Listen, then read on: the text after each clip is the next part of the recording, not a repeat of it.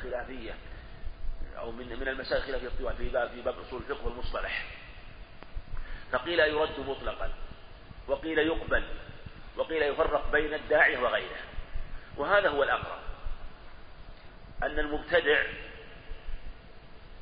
إذا كانت المبتدع إذا كان غير داعية إلى بدعته وكذلك إذا لم يكن رأسا فيها وإن لم يكن داعية. رأسا فيها ومبجلا عند أهل البدعة فإنه لا يقبل. ولأنه في الغالب ما يكون رأسا فيها إلا وهو يدعو إليها. أو يحاجج عنها ويخاصم فيها.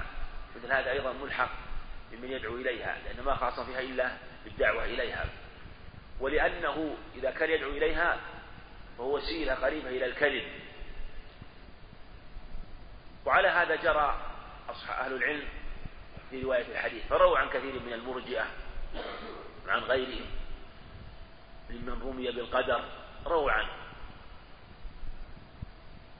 مع أن جاء روايات في في الصحيح وفي غيره رواية عن بعض الدعاة للبدعة لكن لم يروا عن أحد ممن يدعو إلى البدعة إلا إذا كانت الرواية لها شاهد ولم تكن أصلا أو له متابع.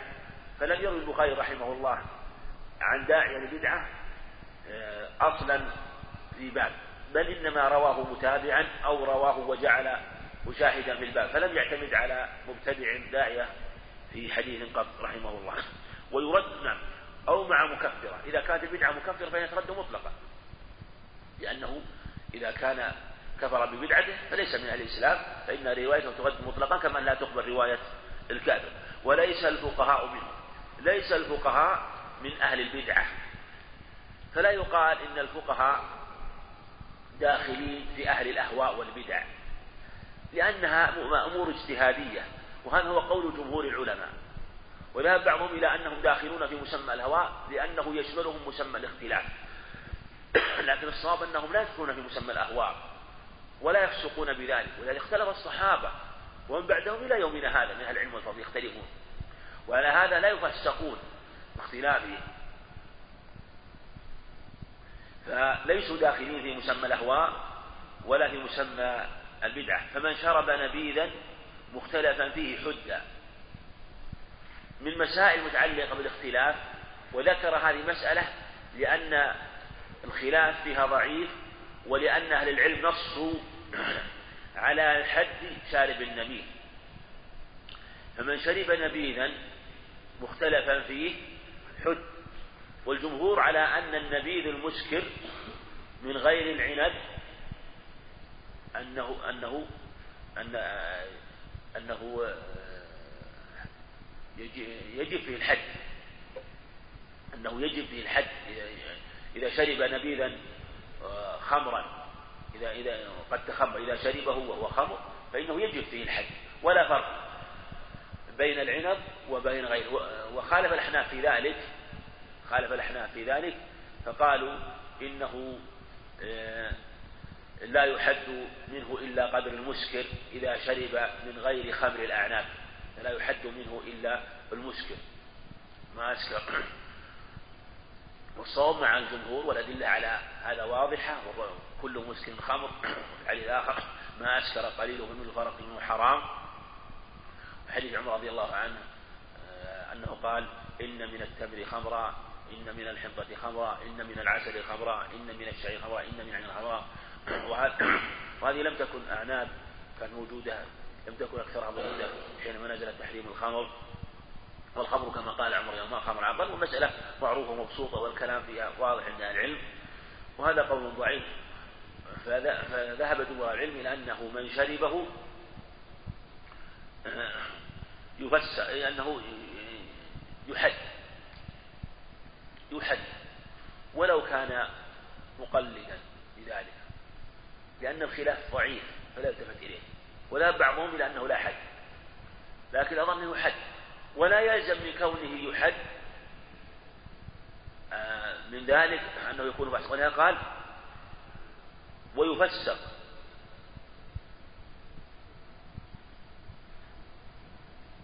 ويفسق يعني هذا إذا كان غير مجتهد. فمن شرب نبينا المختلفين حد. ويفسق فهو يحد مطلقا. والفسق ثابت فيه إلا إذا كان غير مجتهد أو مقلد. فإن كان إذا شرب النبيذ مثلا إنسان شرب النبيذ وهو مجتهد ويظن أن النبيذ هذا المسكن من غير خمر العناب أنه وهو المختلف فيه أنه حلال. أنه حلال وأنه لا يحرم منه إلا المسكن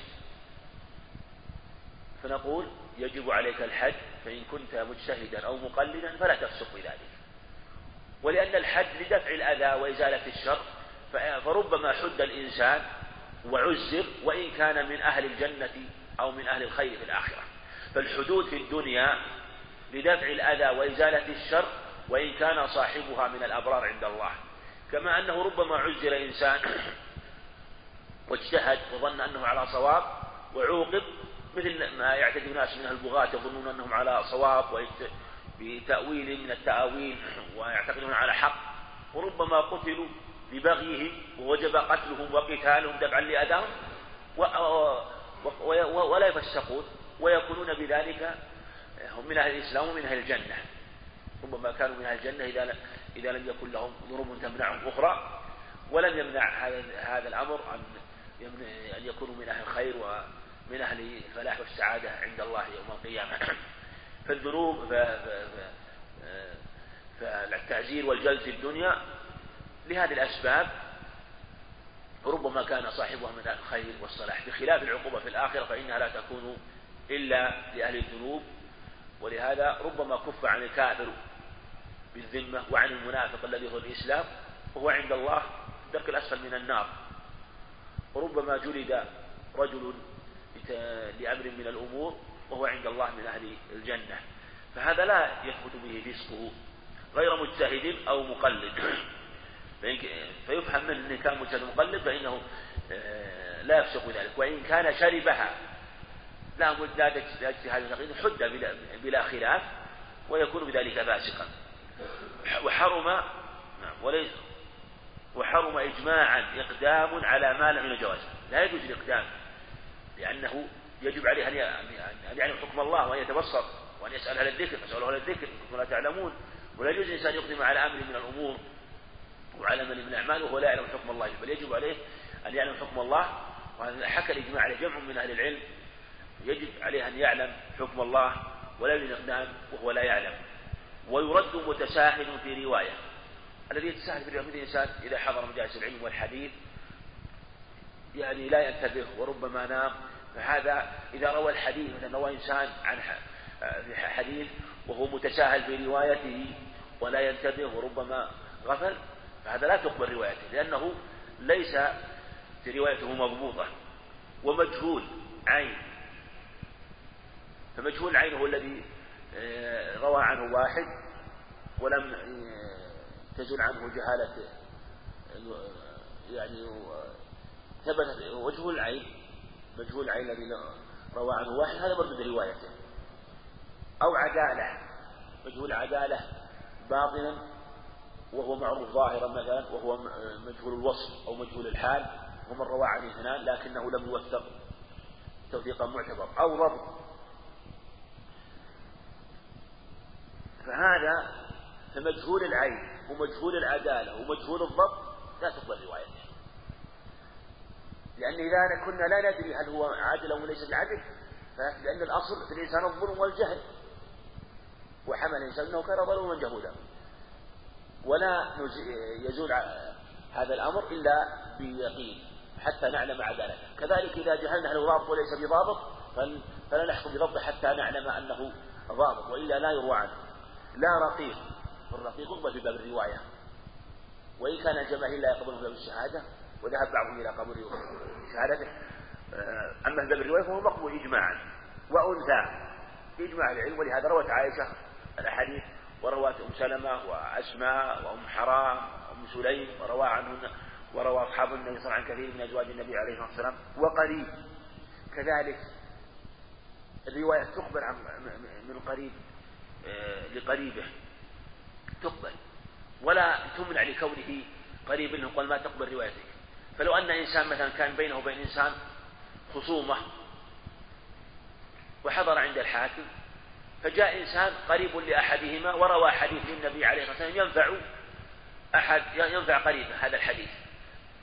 فيقبل هذا الخبر. ولا نقول لا ما نقبل هذا الخبر ونصدق لأنك رويت حديثا ينفع قريب. يقول لا هذا خبر.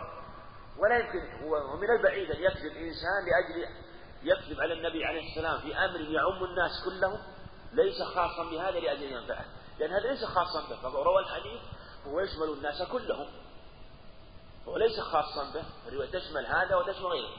فكيف يتحمل أمرا عاما للناس كلهم في سبيل أن آه، ينفع قريبه؟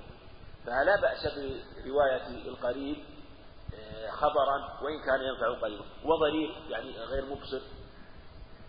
ولهذا روى آه، يعني إذا روى إنسان فإنه وإن كان ضريرا ومتوفرا في الشروط الأخرى من الضبط وغيره فتقبل روايته. وعدو تقبل رواية العدو على عدوه.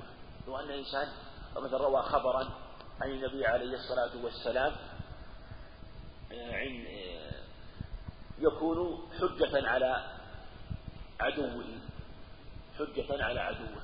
فإنه يقبل خلال الشهادة. لا تقبل شهادة العدو على عدوه. وشهادة القريب على لقريبه فيها تفصيل. وأما في باب الخبر والرواية فإنها مقبولة وقليل سماع الحديث. كذلك لو إنسان ما يروي إلا الحديث القليل ما يروي إلا شيء قليل يقبل تقبل روايته إذا كان علة بس كونه قليل الحديث من روى شيئا فيبلغه. بلغوا عني ولو آية. نظر الله امرأ سمع منا حديثا فبلغ فرما بلغنا وعن سامع. فيبلغ ولو آية ولو حديث. وقد أمر بذلك النبي عليه الصلاة والسلام. ولا ليس من شرط الراوي أن يكون كثير رواية. فإذا كان ضابطا لما رواه مستكمل لشروط الرواية وكونه قال الحديث لا ترد بروايته وجاهل بمعنى أيضا ولهذا قال النبي عليه الصلاة والسلام ربما بلغ نوعا من سامع. فالعمدة الحفظ فإذا كان حافظا وضابطا لما روى فروايته مقبولة. وفقه أيضا لا يشترط أن يكون فقيه. هذا واضح أيضا. لكن ربما تعنت بعض من تكلم في هذا. ورد بعض الروايات واشترط شروطا لا أصل لها في الكتاب والسنة وتقبل روايه الانسان إن ضبط ما رواه عن النبي عليه الصلاة والسلام. وعربية ولا يشترط أيضا أن يكون عالم بالعربية. فإذا روينا خبرا حفظه فإننا نقبله. وعديم نسب يعني مثل يكون ابن ابن زنا أو من في بلعان. فإنه إذا كان متوفرة فيه شروط ومن أهل الصلاح والضبط فتقبل روايته لأنه من أهل الإسلام مع الشروط الأخرى المشترطة في الراوي كذلك مجهول مجهول النسب. فإذا كانت تقبل رواية عديم النسب فالذي يقبل النسب باب أولى أنه يقبل خبره والله أعلم.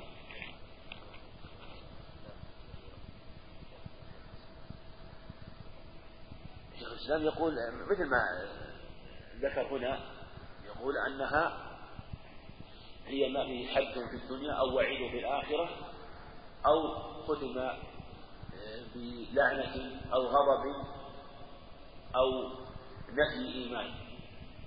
فهذا هو أضبط الحدود في هذا الباب. ولذا اعتمده المصنف رحمه الله. وهو أسلم الحدود. ولكن هذا يعني الحدود بالغالب لا تسلم. ولهذا ذكروه بالحد لا بالعد. وقالوا إن أقرب الحدود في تعريف الكبيرة.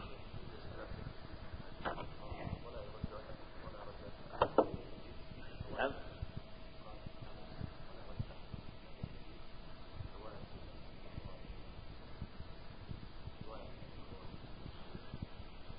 الرواية الخوارج محل محل كان ما رد. يظهر بعض العلم رد يكون متابعين طبعا من ضمن الخوارج. أقول الرواية لا ما تقبل ولا كرامة ما إشكال. لكن الخوارج أصدق بلا شك. يعني بل إنهم يعني من شد الناس تحرج على الكذب ولهذا إذا كان خارجي ليس داعيا قبل.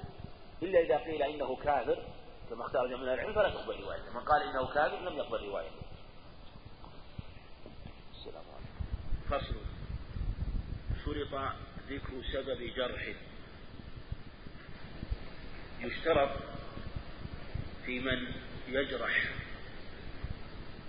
راويا أو غيره أن يذكر السبب. سبب الجرح وألا يجرح جرحا مجملا وهذه مسألة اختلف فيها اختلاف كثير آه، في جرح الرواة وتعديلهم. قيل اشترطوا ذكر سبب الجرح ولا يشترط ذكر سبب التعديل. وقيل بالعكس. قول ثاني. وقيل هو شرط فيهما. قول ثالث وقيل ليس مشروطا في أربعة أقوال. وقيل قول خامس وهو مأخوذ من الأقوال أنه يشترط أنه ليس شرطا في من هو خبير بالجرح والتعديل. من كان متقنا خبيرا متثبتا ليس بشرط. هذه الأقوال هي أشهر الأقوال وهي الأقوال في هذه المسألة. والأظهر ما ذكره المصنف رحمه الله أنه يذكر الشرط في تضعيف الشرط بالتضعيف شرط دون التعديل كما سيأتي. لأن أسباب الجرح تختلف. وربما يذكر سببا يضعفه بشيء لو ذكره لن يكون صحيحا. وذكروا أمثلة في هذا الباب وذكروا عن بعض العلماء ممن جرح الرواة ثم لما سئل قال لي أنه كذا وكذا. مثل قولهم رأيته يبره قائم رأيته يركض يركض برذونا له يعني يضربه برجليه. هذا ليس فيه شيء إذا لم يكن على وجه السخرية اللعب. أو بعضهم يذكر مثلا أسبابا أخرى لو الحكم فيها لم تكن أسبابا. فسبب التضعيف يدخل. فإذا قال فلان ضعيف أو مردود الرواية أو لا يقبل أو لا يؤخذ عن الحديث أو ليس به شيء نقول طيب لا بد تذكر السبب. ضعيف لماذا؟ وش سبب عنه أو هو مقبول مردود هو كذاب. هل هو مدلس؟ هل هو سيء الحفظ مثلا؟ يذكر سبب يبين به سبب التضعيف. إذا ذكر سبب التضعيف قبل وإلا فلا.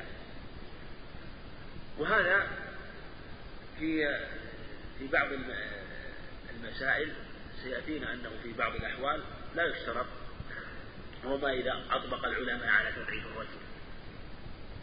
أو أنه ضعفه الكبار منهم وهو المتأخرون أو من لا يعتد بقوله أمامهم واتقوه. فإنه في هذه الحال إذا أطبقوا على تضعيف لا يشترط يكون سبب التضعيف لأنه ما دام أنهم أطبقوا عليه يكفي ذلك. أو كان لم يوثقه أحد مجهول الحال فهو مجهول الحال. فضعفه جمع من الأئمة وسكت عنه آخرون ولم يعني لو ضعف جمع وسكت عنه آخر. فهذا يكفي تضعيف لأن أصلا هو لا يعرف أو مجهول الحال. أما إذا اختلف فيه إذا اختلف المجرحون المعدلون هذه مسألة مسألة أخرى. فعلى كل حال لا بد من بيان سبب التضعيف. الجرح والتضعيف إذا قال هذا الحديث مثلا ضعيف. ربما أنه إذا ضعفه يكون تضعيفا غير صحيح. لو أننا تحققنا تضعيف وجدنا أنه مردود وأنه تعنت منه أو يذكر سببا ليس بصحيح.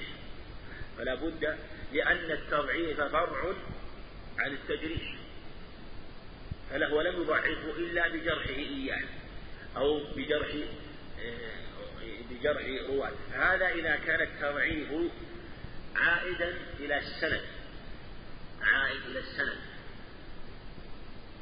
فإنه في هذه الحال لا بد أن يبين سبب التضعيف وأن فيه فلان مثلا وهو مجروح بكذا أما إذا كان التضعيف عائدا إلى علة في الحديث فهذا باب العلل وهو مستقل وربما أن يكون السند مستقيما لكن هو بين أن سبب الضعف هو أنه معلول أو إما بمخالفة الأحاديث أو ما أشبه ذلك من العلل التي آه، تذكر في هذا الباب. ولا يلزم توقف إلى تبيين. ما يلزم إذا قال طيب إذا كان هو الآن جرح جرحه قوم ولم يذكروا السبب. هل نتوقف ولا يقول لا لا يلزم التوقف. لا يلزم التوقف. بل إنه لا يلتفت إلى التضعيف الذي لا يبين. لا يلتفت إلى التضعيف الذي لا يبين. ويعمل بروايته حتى يتبين أنه ضعيف. فإذا عدله قوم واتقوا ناس معتمدون وضعفه آخرون فإنه يعتمد قول من عدله ولا يلتفت إلى قول تضعيف.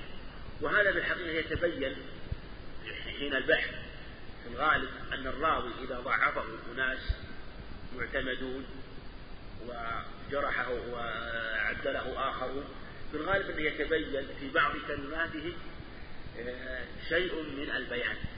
ربما أن بعضهم ضعف تضعيفا مطلقا لكن بمتابعة ترجمته يتبين سبب التضعيف وأن بعضهم ذكر تضعيفا مطلقا وبعضهم بين سبب التضعيف ولا يشترط أن يكون سبب التضعيف مبين من جميع من جرحه. فإذا تبين سبب التضعيف من أحدهم اكتفي بذلك وفي الغالب أنه يذكر شيء من هذا. آه ولهذا تجد مثلا بعض الرواة ربما جرحهم قوم بسبب مجمل وعدلهم آخرون وإذا تبينت وجدت الرجل أن تجريحه نوع تعنت ولا يقبل وهذا يقع من كثير ممن يقع بعض الرواة مثل ما يقع من الطعن في بعض رواة البخاري كما وقع للدار قطني رحمة الله عليه. في كثير من رجال البخاري وقد بين هذا الحافظ رحمه الله في الرد عليه. لا تعديل يعني أن التعديل لا لا لا يشترط ذكر السبب لأن أسباب التعديل كثيرة فلو قال إنه ثقة نقول ليش إنه ثقة؟ لأن الرجال يصلي مع الجماعة ورجال يؤدي الزكاة ويصوم رمضان ويحج ويصل الرحم ويقوم بالواجبات ويقوم بكذا وكان يعدل هذا ليس بلازم لأن أسباب التعديل كثيرة والجرح يكون بشيء واحد. فكل من حافظ على الواجبات واجتنب المحرمات واشتمل على على الأخلاق التي هي أخلاق المروءة وشمائلها فهو عدل. رضا. ولا يشترط أن يذكر سبب التعديل لأنه يشق. وعلى هذا جرى العلماء لكن ربما أثنوا على إنسان بكثرة شمائله فعددوا شيء من شمائله أما الأصل أما في الأصل في باب التعديل أنه لا يشترط ذكر سبب التعديل. وتصحيح يعني أنه إذا صحح الحديث فإن التصحيح فرع التعديل. فإذا كان ليس شرطا ليس من شرط التعديل ذكر السبب فكذلك ليس من شرط التصحيح ذكر السبب. فإذا صححه يكون تعديلا لرواته هذا هو قاعدة ولا يرد مثلا أنه ربما صحح إنسان حديث وهو ضعيف. هذا بحث آخر. لكن هذه القاعدة والأصل في مسألة التصحيح والتضعيف وإلا فقد يكون مثلا بعض من يصحح يتساهل وبعض من يضاعف يتعنت فلو أن إنسان مثلا عرف مثلا بأنه متساهل بالتصحيح فإنه يكون تصحيحه فرع عن تعديله. فإذا كان هو تعديله. تعديله بالتساهل فإنه أيضا محل بحث لا يقبل منه. كذلك إذا كتب علم محل تعنت محل تعنت ولو فسره أحيانا ربما فسر شيئا قد لا يقبل منه ذكره بشيء. فلهذا كما أنه إذا تساهل بالتعديل ولا يقبل منه كذلك إذا صحح من هذا فهو من هذا الباب. ويكفي فيهن ويكفي فيهن وتعريف واحد. يعني يكفي في التعديل آه، والتصحيح والتعريف واحد. ليس من عادته تساهل أو مبالغة. فإذا عدل إنسان من الأئمة واحدا من الرواة وهذا المعدل خير متساهل وليس عنده مبالغة متوسط. يعني عنده توسط واتزان في باب التعديل. ليس متشددا فلا يقبل إلا منه في الدرجة العليا ولا يتساهل فيقبل من هو دون دون ذلك وإن كان في ضعف. فإذا كان عنده اعتدال في تعديله وتوسط في نظره للرجال من جهة أنه آه، لا يفرط ولا لا إفراط ولا تفريط فهذا يقبل ولو واحد. هذا هو الأصل. أما إذا كان عنده تساهل أو أو تعنت فلهذا يتوقف في أمره بباب التعديل والتجريح وقد ذكروا أن الرواة أو أن المعدلين في كل طبقة على ثلاثة أقسام. طبقة متشددون متعمدون وطبقة يعني كل طبقة ثلاث درجات درجة متعمدون متشددون ودرجة متساهلون ودرجة متوسطون. فلهذا إذا جرحه المتعمدون لا يكون تجريحهم تجريحهم له آه، جرحا له. وإذا قبله المتساهلون المفرقون لا يكون قبوله تعديلا له. بل ينظر إلى المتوسطين. المعتدلين في باب التعديل آه، فإنهم هم الحكام في هذه الطبقة. فما قبلوه فإنه يكون عدلا. ومن لم يقبلوه فإنه لا يقبل. ولهذا قال ليس من آية تساهل أو مبالغة. ومن اشتبه اسمه بمجروح وقف خبره. من اشتبه اسمه بمجروح وقف خبره فإذا كان عندك مثلا في آه، إذا كان عندك راوية اشتبه اشتبه أحدهما بالآخر اتفقا في الاسم, الأول والاسم الثاني أو ربما الاسم الثالث. أحدهما ثقة والآخر ضعيف. يعني حالة يجب الوقف حتى يتبين. لأنك ربما ترده ويكون خبر صحيح لأنه من طريق الثقة. وربما تقبله ويكون خبر ضعيف لأنه من طريق المجروح. ويفهم منه أنه إذا اشتبه اسم الثقة بثقة لا يوقف لا يلزم لأنهما ثقتان فلا يضرك قبول الخبر وعدم توقفه. وإذا كان ضعيفين فإنه لا يضرك آه، إذا رددتهما لأنه ضعيف. وتحت هذا تفريع إذا كان اختلف مثلا أحدهما مثلا ضعيف يعتبر به والآخر ضعيف مثلا مردود هذا ينفع في باب الشواهد والمتابعات فهو محل تفصيل وطريق والخبر الذي تبحث عنه ما هو هل هو من الشواهد أو من الأصول غير ذلك. فالمقصود أنه إذا اشتبه بمجروح تتوقف حتى يتبين لك من هو. ولا شيء لجرح باستقراء يعني لا يجرح بالاستقراء الاستقراء ليس بابا للجرح. فلو قال الإنسان من فعل كذا وكذا فهو ليس بعدل أو مثلا من جاء إلى هذا من وقع في هذا المكان أو رأي ذلك ليس بعدل واستقرينا مثلا أناس مروا أو فعلوا هذا الشيء. لا هذا ليس الاستقراء ليس طريقا للجرح. بل طرق الجرح معروفة وموضحة فمن فعل شيئا منها فإنه وقع بشيء منها فإنه مجروح وله جرح باستفاضة يعني من استفاض أنه ضعيف أو متروك أو كذاب أو مدلس أو استفاض مثلا وإن لم مثلا يسمع ويعرف مثلا عن إنسان معين أنه جرح إنما استفاض فإنه يكتفى بالاستفاضة في جرحه. لا تزكية. التزكية يقول لا يقبل قال وقيل بلى إذا شاعت عدالته كأحد الأئمة وجعله المذهب يعني. وهذا هو الأفضل أن التزكية إذا إذا استفاضت تزكية لرجل وكان آه، واستفاضت واشتهرت خاصة إذا كان عند أهل الخير فإنه تعديل. أما إذا كان استفاضته عند شاكلته مثلا من أهل السوء هذا لا عبرة به فلهذا لكن مراد استفاضته واشتهاره بالخير عند عموم الناس هذا يكون تعديلا له وإن لم يعرف مثلا أن فلان عد له أو ذكره بالتعديل. وقيل نعم. ويقدم جرح. يقدم الجرح على التعديل. وهذا المراد بالجرح المفسر كما سبق لنا. فإذا جرحه إنسان طعن فيه إنسان براوي من الرواة. وآخر عدله وقال إنسان لا هذا هو ضعيف لأنه يكذب كذب في الحديث الفلاني أو متروك في الرواية لأنه آه، افتعل الحديث الفلاني. أو أو مثلا هو سيء الحفظ. علمت أنه سيء الحفظ وأنه يروي الروايات يخلطها.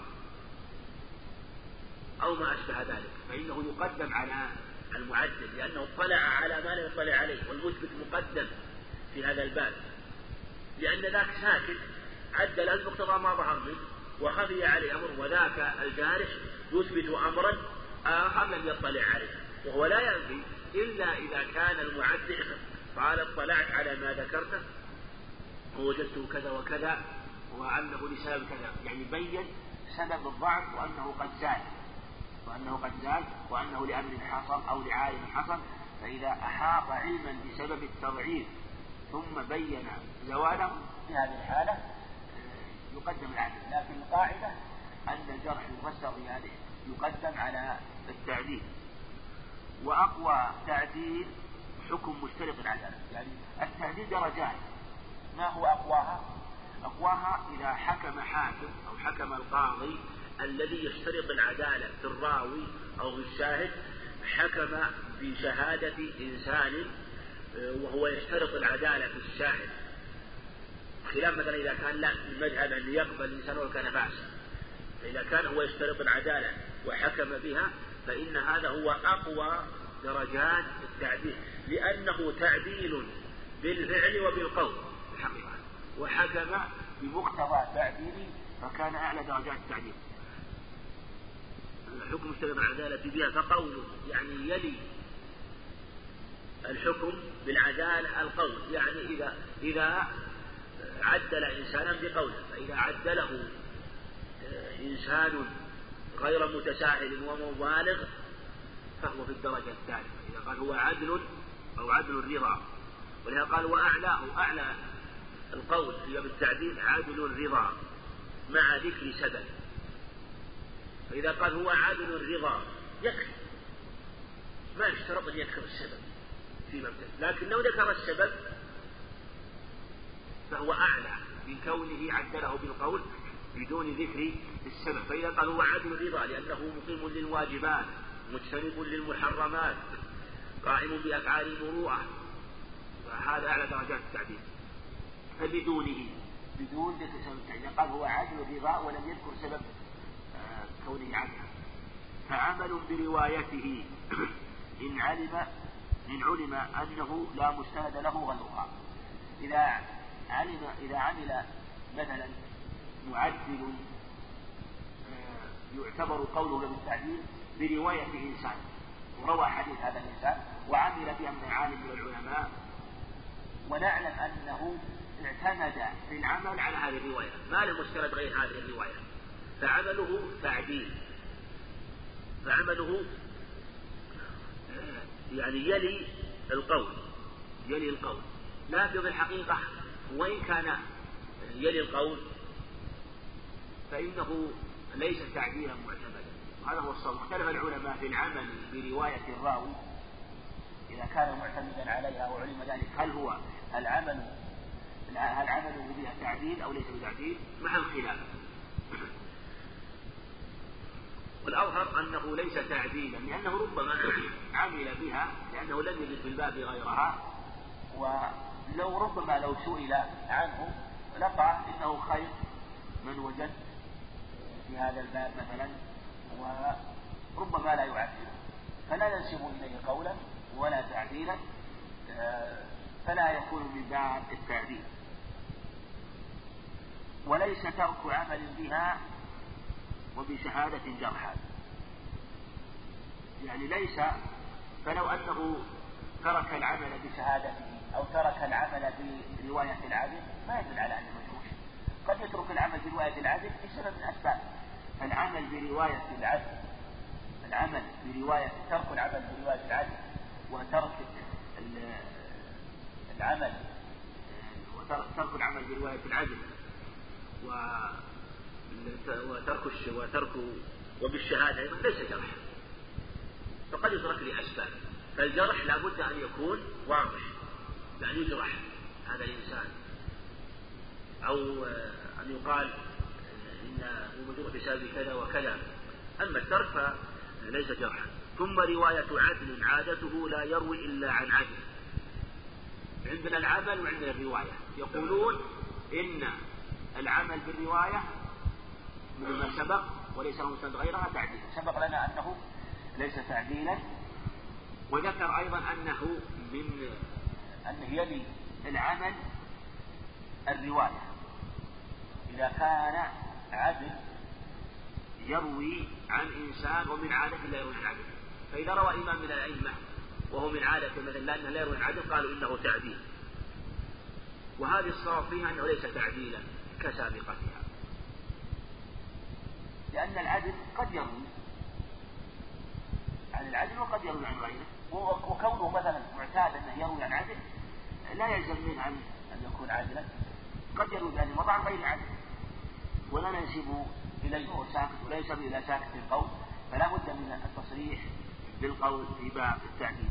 ولا يقبل يعني يفهم من كلام أن إذا كان من عدل يروي عن عدل وعن غير عدل فإنه لا يقبل. وهذا واضح يعني أنه إذا كان لا يقبل. عن القول الأظهر روايته وإن كان يتحرى في روايته عن عدول فكونه لا إذا كان لا يتحرى عند أولى أنه لا تقبل روايته. ولا ولا ولا تجعل تعديلا له. ولا يقبل تعديل مبهم كحدثني ثقة. لو قال حدثني ثقة. لو وثق إنسانا مبهما ما يكفي لو قلت طيب الثقة. قولوا ثقة تعديل نقول تعديل نعم. لكن ما ندري من هو هذا الثقة. يشترط في تعديل الثقة أن يعدله مثلا بقوله عادل رضا أو ثقة وأن يبين إيش؟ ربما أن يكون الثقة كذاب. ثقة عنده. جهل أمره وجهل حاله.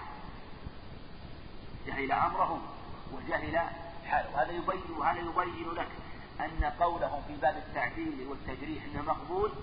أن هذا هو القاعدة والأصل. وإلا قد لا يقبل إذا ظهر أن سبب التعديل أو سبب التجريح مبني على وهن أو على أمر تبين على خلافه إذا ظهر تبين أنه ليس بضعيف. أو عدله وتبين أنه مجروح. ولهذا لو قال حدثني ثقة قولك ثقة ما يكفي يعني من هو هذا؟ ننظر فيه. للنظر فيه. فعلى هذا إذا عدل إنسانا ما في يمنع أن ينظر فيه ربما يكون قول من جرح أقوى ممن عدله أو عدل أو من لا أتهمه. كل هذه العبارات لا تكون تعديلا آه، للراوي. والله أعلم. على قوله والجرح أن ينسب إلى قائل الله الرحمن الرحيم الحمد لله رب العالمين والصلاة والسلام على أشرف الأنبياء والمرسلين قال المصنف رحمه الله والجرح أن ينسب إلى قائل ما يرد لأجله قوله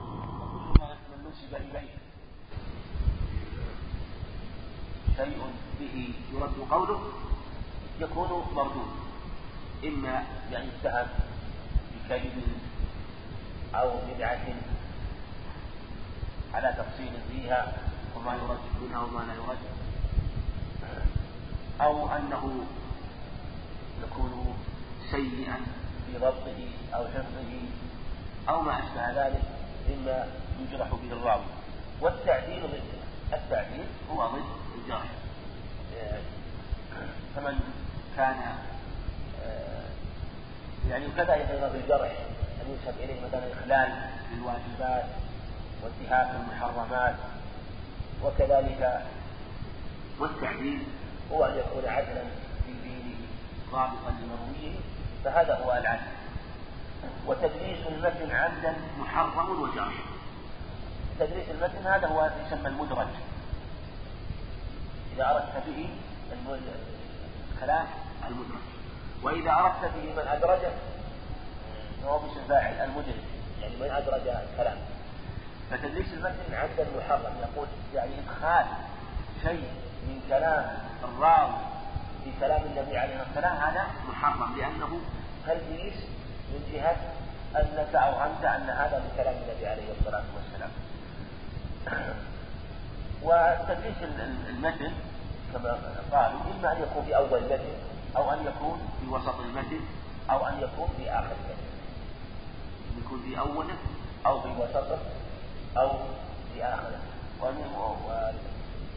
ومثل أوله ما يروى من رجل الحديث. أسبغ الوضوء فإني سمعت رسول الله صلى الله عليه وسلم يقول ويل العقاب من النار.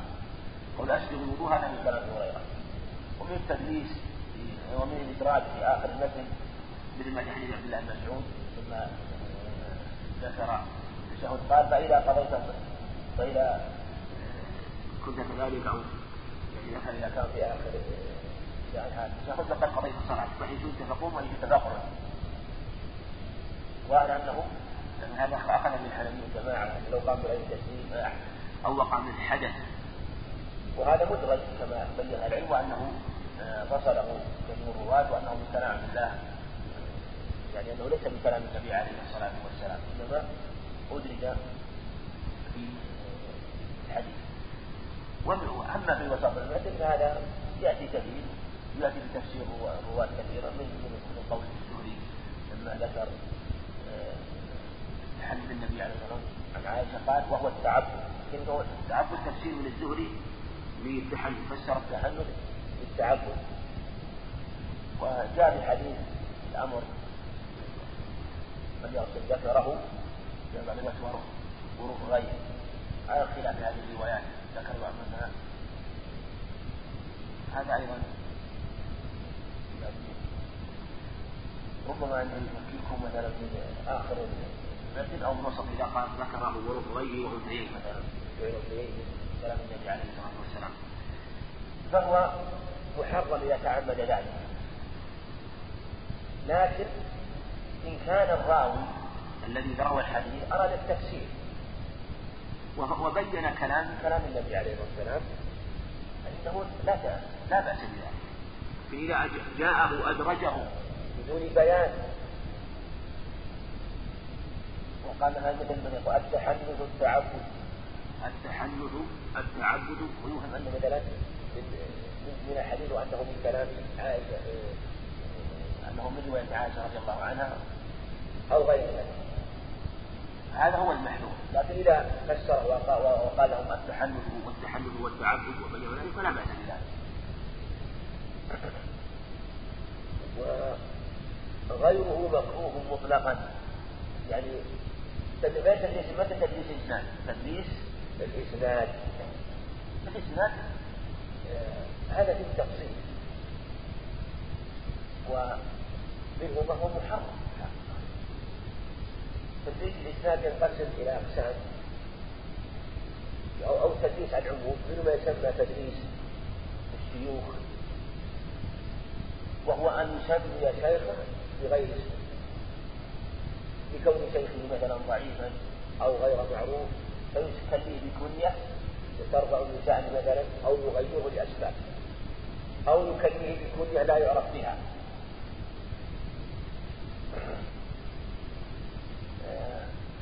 مثل ما أو يكني بكلية مثلا مشهورة معروفة بالثقة حتى يلبس على غيره مثل عطية العوفي.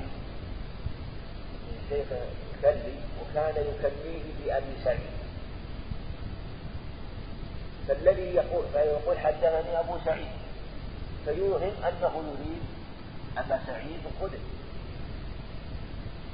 هذا تدليس والتدليس المحرم إذا أوهم أنه روى عن صحابي مع أن شيخه متروك أو كذاب. ومن التدليس تدليس التسوية تدليس التسوية وهو من أقبح أنواع التدليس وهو محرم أيضا. إذا فعله عمدا يعني ذلك وتدليس التسوية أن يروي عن شيخ ثقة عن ضعيف. عن ثقة. فيسوي السند ويسقط شيخ شيخه الضعيف يكون ثقة عن ثقة. ويسقط هذا وربما كان كذابا. فيكون السند مستويا. فيظهر انه اسناد صحيح وهو في الحقيقة سقط منه بلية لو ظهرت لأكثر الاسناد ومن التدريس تدريس الإسناد تدريس الإسناد وهو التدريس اللي يقع كثير وهو التدريس اللي يقع كثير وهو أن يدلس آه، في شيء. فيروي عن فيروي صيغة عن عن شيخ آه، وهو لم يسمع منه. مثلا يروي عن الزهري وما أدرك مثلا ما سمع الزهري. هو هو سمع من أحاديث مثلا هو التقى سمع لكن هذا الحديث المعين ما سمع من الزهري مثلا أحد تلاميذه ما سمعه. فيروي عنه بصيغة عنه وقد سمعه من شخص آخر شخص آخر. فيوهم من روى عنه أنه قد سمعه من الزهري. قد سمعه من الزهري. فإذا أوهم أنه سمعه من الزهري هذا يسمى تدليس. وهذا تدليس الناس وهذا يختلف. فإن كان الذي أسقطه مجهول الضعيف ويكون بإسقاطه يوهم بالسند صحيح من هذا مشي. والأظهر تحريمه وإن كان ثقة فلا حرج عليه. التدليس كونه يسقط هذا لا يضر ولهذا يقول ومن عرف به من عن الضعفاء لم تقبل. يعني من عرف به عن الضعفاء من علم التدليس. عن الضعفاء لم تقبل روايته لم لم تقبل يعني روايته وش ينبغي أن يعرف أن عندنا عندنا تدليس وعندنا شيء يسمونه الإرسال. إرسال خفي وإرسال مطلق. التدليس هو أن يروي عن شيخ أدركه عن شيخ سمع منه ما بصيغة توهم السماع ما لم يسمع. أن يروي عن شيخ سمع منه ما لم يسمع منه بصيغة توهم السماع مثل عن أو قال أو أن فلانا قال مثلا وأشهرها عنه. هذا هو التدليس هو المشهور الإرسال الخفي هو نوع من التدليس عند بعضهم وبعضهم جعله اسما خاصا وهو أن يروي عمن عاصره